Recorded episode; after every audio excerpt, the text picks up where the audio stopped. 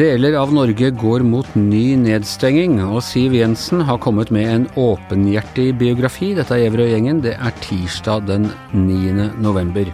Det er også øh, markeringsdagen for krystallnatten, da, da øh, Hitler trappet opp jødeforfølgelsene mot det som øh, endte som et industrielt massemord av jøder i Europa. Det er også dagen for murens fall i 1989. Så en, en viktig dag i europeisk historie, Tone Sofie? Absolutt. Men aller først må vi ta kort om det var eh, en dra dramatisk episode på eh, Bislett eh, i dag morges, hvor en mann gikk amok med kniv, truet flere, deriblant også mm, etter hvert politiet. Og ja, Øystein Millie fra, fra Krimpodden, sjelden bruk av sterk hva skal vi si, vold eller makt fra, fra politiet for å uskadeliggjøre denne mannen? Ja, og i lys av Kongsberg-tragedien så er det jo en situasjon som for så vidt ligner eh, på et vis. Altså Det er en mann som da beveger seg ut i offentligheten med en kniv eh, og truer folk. Vi har jo nå på VG.no et intervju med en kar som eh, opplevde at denne mannen gikk ved siden av han og ja, så på han med kniven i hendene, og denne mannen opplevde det som svært truende. Og så vet vi at det eskalerte jo. Eh, det var en kvinne som på et tidspunkt fikk denne mannen løpende etter seg med kniv eh, og i gatebildet i Oslo eh, Bislett. og Politiet kommer da til stedet veldig fort, uvisst akkurat foreløpig hvorfor, om det er fordi denne patruljen tilfeldigvis ser det, eller man har rukket å melde det over sambandet. Men politiet er i hvert fall veldig veldig tidlig inne i situasjonen etter at den virkelig eskalerte. og så kjører jo, eh, kommer jo denne mannen i bar overkropp og med en kniv i hånda, en ganske stor kniv, i eh, en slags kontakt med politiet, i den forstand at han står på siden av politibilen og roper og veiver, etter det vi kan se. Og så kommer han foran politibilen, og da kjører politiet på ham første gang for å stoppe ham.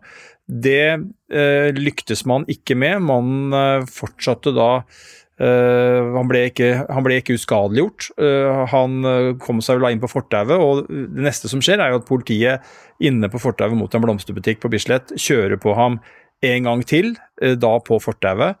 heller ikke det stoppa denne mannen, og da er det sånn at han beveger seg inn mot passasjersida på politibilen og eh, døra på den eh, bilen går opp, uvisst om den åpnes av politibetjenten eller av mannen. Eh, men da oppstår det en fysisk konfrontasjon mellom politiet og mannen, hvor vi vet at en politibetjent har blitt skadet. og så ser vi jo eh, Det neste som skjer, er at det kommer en eh, politibetjent fra førersida ut av bilen, og også den i passasjersetet kommer ut, og de er bevæpna. Og vitner har jo sagt at de hørte da fire, fem, seks skudd, og vi vet at politiet har bekrefta at de løsna skudd, og vi vet også at denne mannen da døde av skadene. Så det var eh, en svært dramatisk situasjon. Det har gått rykte på sosiale medier Altså Politiet er ute og sier at de, de ikke regner dette som terror foreløpig. Samtidig har det vært eh, påstander på sosiale medier om at han skal ha ropt religiø religiøse ting. Hva, hva, vet vi om dette? Nei, det er flere som sier det. Og det er jo igjen også litt uh, paralleller, kanskje. Det vil vise seg til Kongsberg-saken, hvor man også hadde et sånt bilde tidlig i fasen uh, der. Det vi vet om bakgrunnen til den mannen, er jo at han har så sent som i 2019 var involvert i en episode på Ankerbrua hvor han som er ganske lik, hvor han i bar overkropp eh, oppførte seg truende, og hvor han ikke overga seg til politiet før de da den gangen måtte uskadeliggjøre han med Jeg lurer på om det var en, eh, det var en gasspistol den gangen, det husker jeg ikke i farten, men de i hvert fall uskadeliggjorde ham da med, med fysisk makt. Eh, og han ble da dømt til psykisk helsevern. Og er jo da åpenbart betrakta helsevesenet til å være frisk nok til å kunne gå på gata nå i 2021. Eh, og så har ikke jeg noe grunnlag for å si verken det ene eller andre om, om, bakgrunnen for det, bortsett fra at jeg registrerer at det er sånn.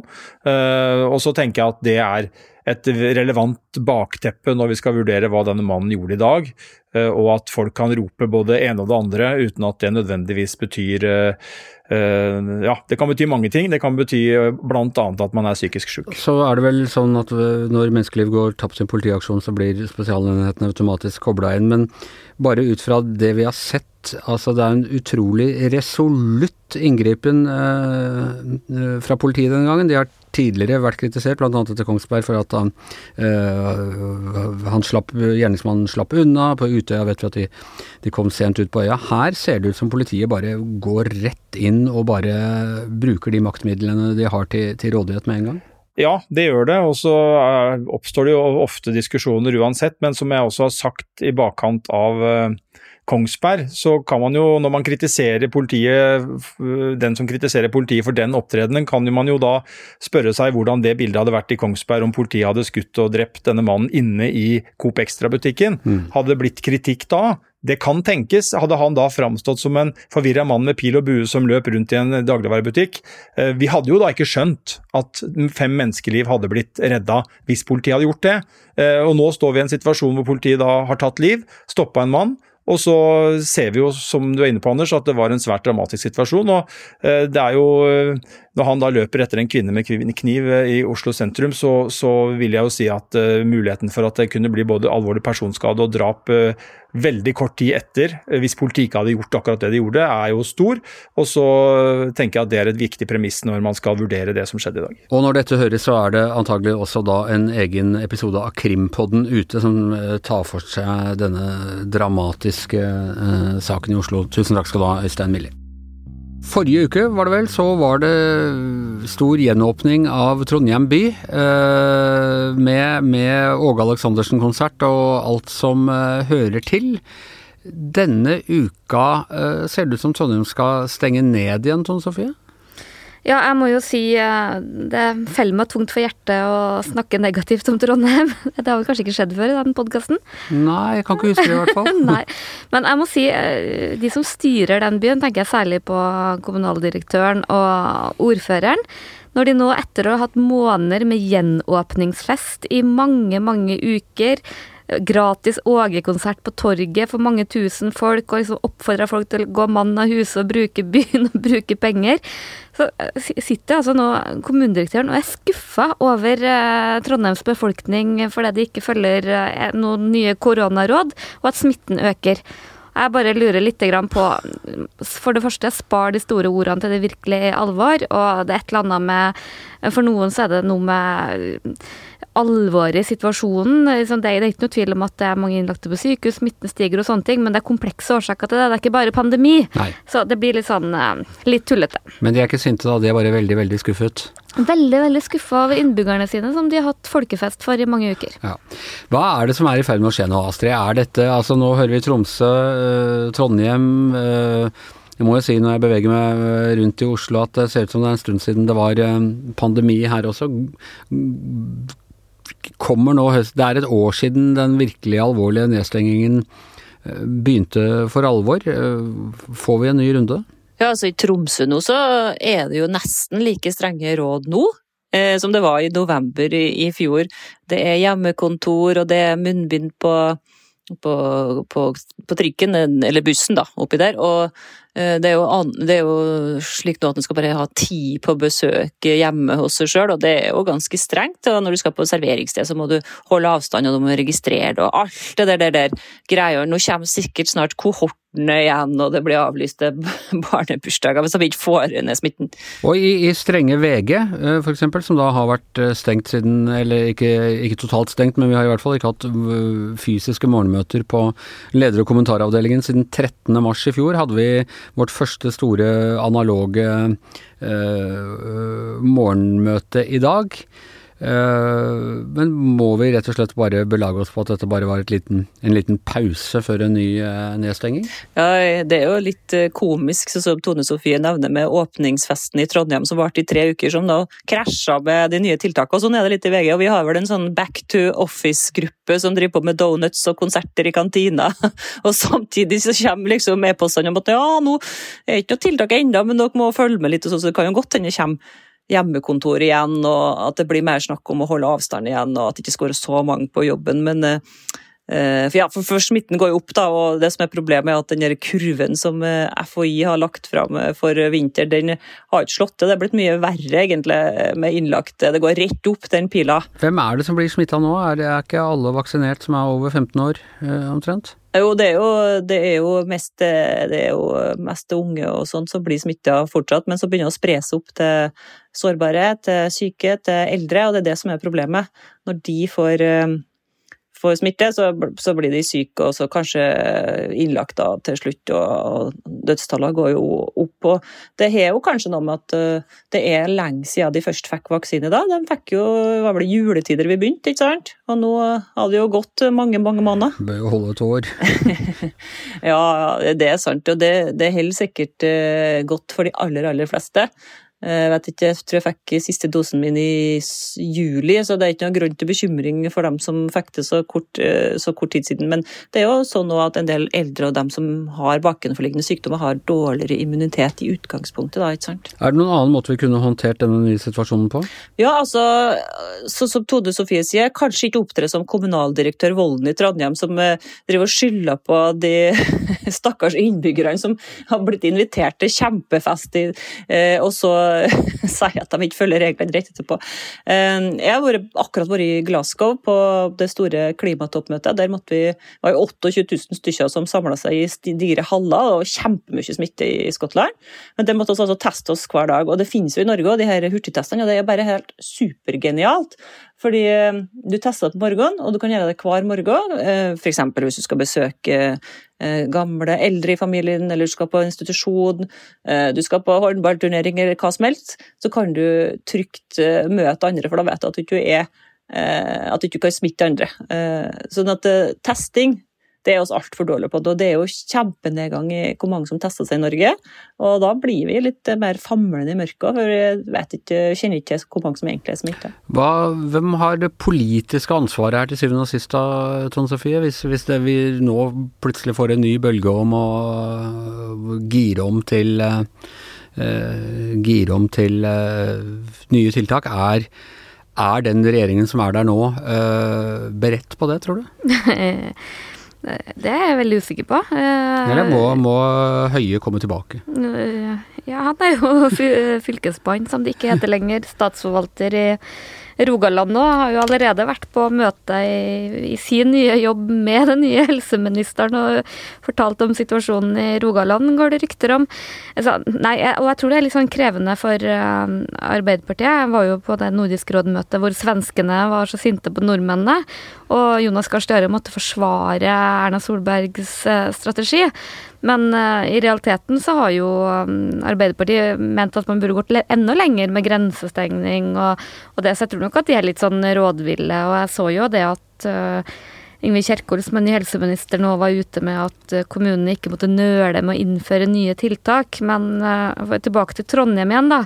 Det er jo en situasjon nå hvor det er Det er jo ikke bare pga. Uh, korona, det er jo pga. du har den der RS-viruset, du har generelt mye luftveisinfeksjoner som er normalt. Det virker som vi er blitt mer sårbare, syns jeg, etter ja, og Det er jo ikke noe rart, for vi har jo vært ett og et halvt år hvor vi knapt har vært utfor dør, bortsett fra du, da, som har gått lange turer, og vi har sprita oss og ikke vært borti sånn gamlinger har jo ikke vært i nærheten av en basillusk, så de har jo vært så friske, og nå kommer det for fullt. Og omtrent alle jeg kjenner, inkludert meg sjøl, har jo vært forkjøla i ukevis etter gjenåpninga. Så det er jo ikke unaturlig. Og det er jo Vi glemmer jo at sånn har det også vært i helsevesenet før, og nå får vi liksom det her på topp av den pandemien. Og bare liksom et siste poeng er jo at i Trondheim på St. Olav så har det alltid vært sånn at det er topper med veldig mange utskrivningsklare pasienter, og at kommunene ikke er flinke nok til å ta dem som egentlig bør hjem. Så jeg syns det er litt sånn lettvint å liksom bare sende ut med litt sånne forskrifter om at nå må folk gjøre ditt og datt og sånn, at det blir litt sånn lettvint, da. Forskrift og skuffelse er liksom den politiske metoden her? Ja, skuffelse, og det synes jeg er veldig dårlig kommunikasjon. Man bruker liksom opp alle virkemidlene, men også eh, sånn skalte og valte med koronatiltak om at nå skal du isolere deg, og nå skal du ditt, og nå skal restaurantene stenge. Så det er ganske inngripende. En ting er i folks liv, men også i økonomien til en hardt pressa bransje. Så det er liksom noe med at man besinner seg litt, da. Uh, helt kort til slutt, Astrid. Blir det tiltak også her i Oslo, tror du, eller kommer de til å gå for hurtigtester? Altså, Vi følger med på tallene hver dag. og det ser jo litt likere ut òg. Det går, det går opp fortsatt, smitten går opp i Norge, men vekstraten er ikke så høy som den har vært. Så vi får håpe at det er i ferd med å flate, flate ut. Og da tror jeg de her advarslene virker. da, Når Nakstad og gjengen er ute og sier at nå må dere passe på litt, så tror jeg folk passer seg litt mer. Ok, eh, tusen takk. Vi, vi, satser på at vi skal fortsette å møtes her i, både på morgenmøter og, og live i, i, studio her på, på Gjever og gjengen. Vi skal snakke om en annen sak. Eh, Forrige uke var det Martin Kolbergs eh, biografi som kom. I dag er det, denne uka er det Siv eh, Jensen eh, sin politiske biografi som kommer. og det varierer jo ofte litt med, med sånne biografier, Tone Sofia, som er vi, vi pressen griper tak i noe litt sånn som kan være litt kontroversielt, og blåser det opp og kaller en spade for en gravemaskin osv. Men jeg har litt inntrykk av at denne boka her, og du har lest litt av den, den leverer ganske godt på oppriktigheten. Ja, og det overrasker meg egentlig, for jeg har alltid opplevd Siv Jensen som veldig sånn eh, kontrollert, eh, veldig lojal, sjøl om man vet at hun har hatt sine frustrasjoner over både partikolleger og andre. Så har hun skjult det ganske godt på sånn imponerende vis. Og hun sier jo det i forordet sitt òg, at endelig får hun fortelle sjøl, uten medias vinkling og redigering og når man leser det, så kan man uh, både forstå det, men også, du blir også veldig sånn, positivt overraska over hvor oppriktig hun er. Og det som selvfølgelig ikke er så overraskende, fordi eh, den andre part har vært ganske eh, tydelig her, er jo at det har vært en konflikt mellom henne og Carl I. Hagen. Men hun bruker sterke ord når hun endelig da gir sin versjon av dette? Ja, og det var jo kanskje den aller største overraskelsen. For uh, Uh, særlig i forholdet til Carl I. Hagen, så syns jeg hun har framstått uh, usedvanlig både tapper og tålmodig. Og, og, det beskriver jo også en situasjon hvor hun uh, Selv om hun nesten koker innvendig og sånn, at hun uh, har liksom holdt maska og, og, gjort det beste ut av situasjonen, sjøl om de ikke har vært på talefot. Og det er jo heller ikke noe sånn entydig. Hun skriver jo veldig pent om Carl I. Hagen, hvordan han har løfta henne, hvor sterkt hun har beundra hans ferdigheter, den ryggmargske følelsen hans til å sette ord på saker. Eh, talegavene hans, også rett etter at hun ble partileder, opplevde den som veldig støttende. Men så skjer det noen ting. Han begynner å savne seg selv, begynner å kritisere henne og den måten han oppfører seg på, ikke minst hans kone Eli. Han, hun eh, kaller dem rett og slett, eh, Carl I. Hagen og kona Eli, for små mennesker? Ja, og det er eh, veldig, veldig sterkt å lese akkurat det avsnittet hvor hun forteller liksom hvor hvor små de virkelig gjør seg. Og, og det hun også beskriver ganske eh, godt, syns jeg, er hvordan eh, Carl I. Hagen har gått fra å være veldig dypt respektert, og det har han jo vært lenge etter at mange syns han har liksom gått vel langt. Og det er han i store deler av Fremskrittspartiet ennå, er han vel eh, fortsatt Altså han ble gjenvalgt fra på Stortinget i høst? Absolutt, men hun liksom beskriver litt hvor hvor liten han gjør seg, og hvordan han begynner å sette seg sjøl så til de grader foran partiene. Du hadde denne konflikten med når han ville inn i Nobelkomiteen. Bruker for så vidt også det eksempelet med, med, at han lar seg nominere fra to fylker. Beskriver også hans forhold til personlig økonomi som Ja, det er eh, også ganske langt å si at han rett og slett er ute etter eh, ting av ja, egen som, økonomisk vinning. Harmonerer ganske dårlig med å være liksom den lille manns eh, forsvarer. Men i hvert fall det som er litt sånn hovedpoenget hennes, er litt det der som ikke slutter å forundre meg med politikere, eller, og ikke bare politikere, sikkert også kommentatorer og andre.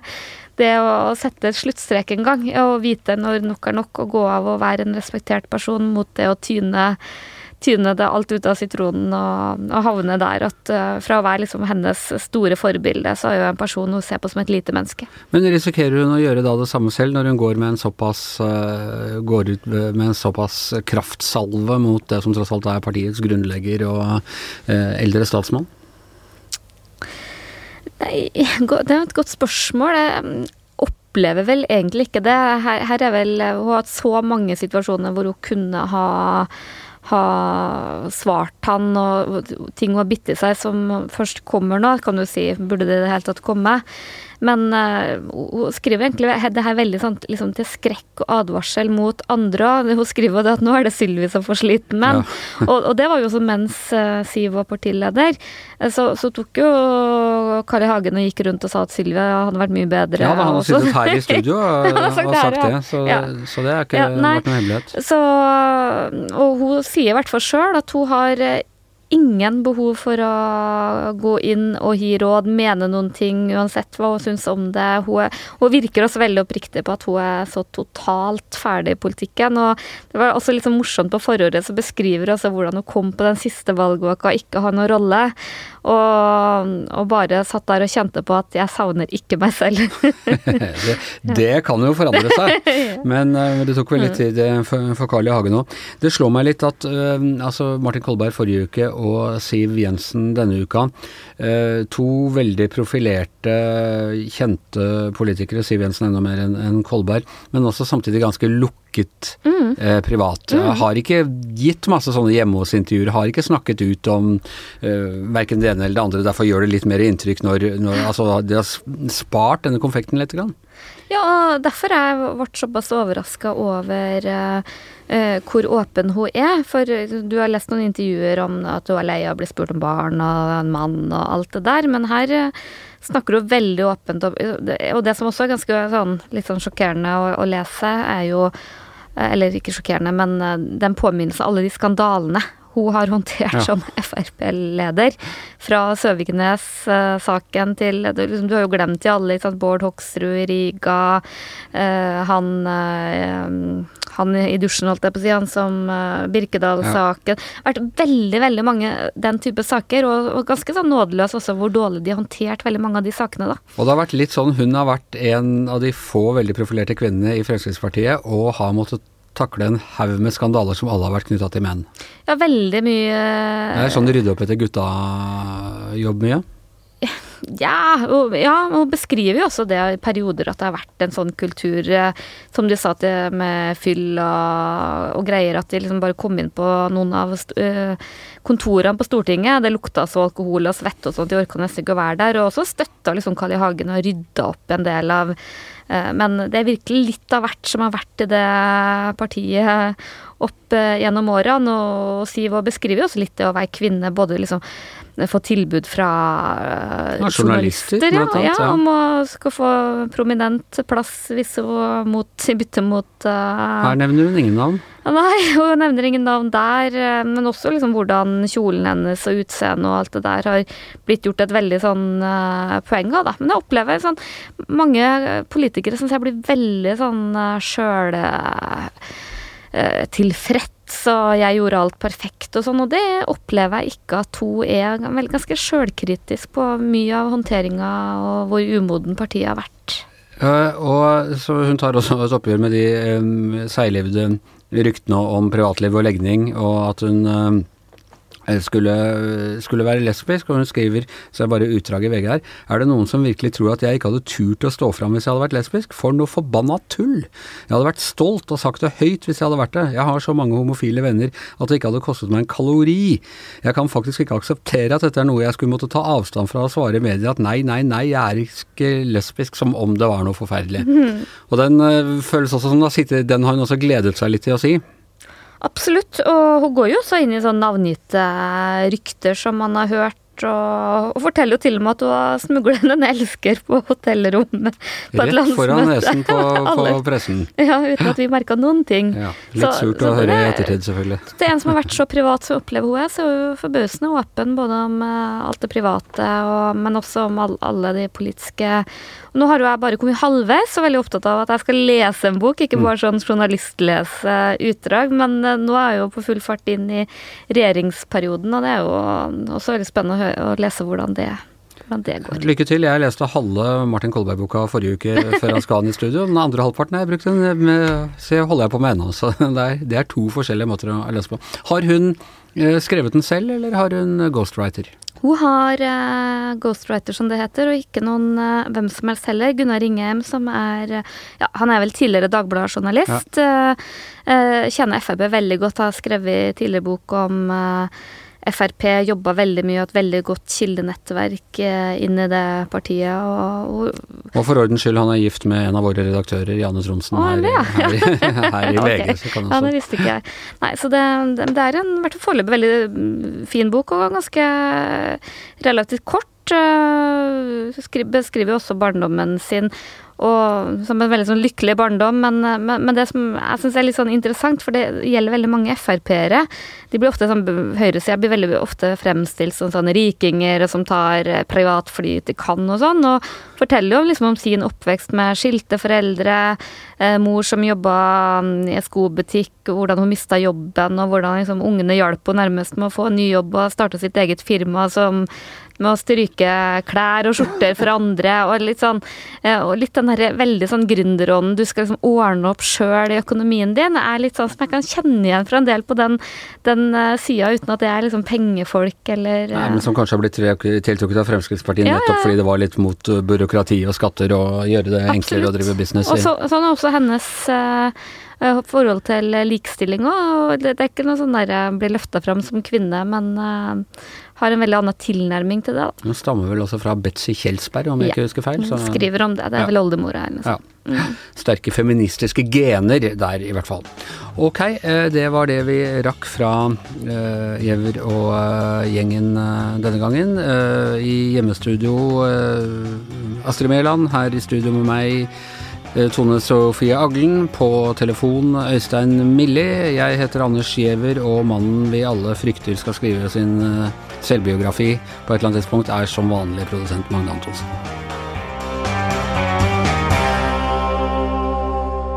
Du har hørt en podkast fra VG.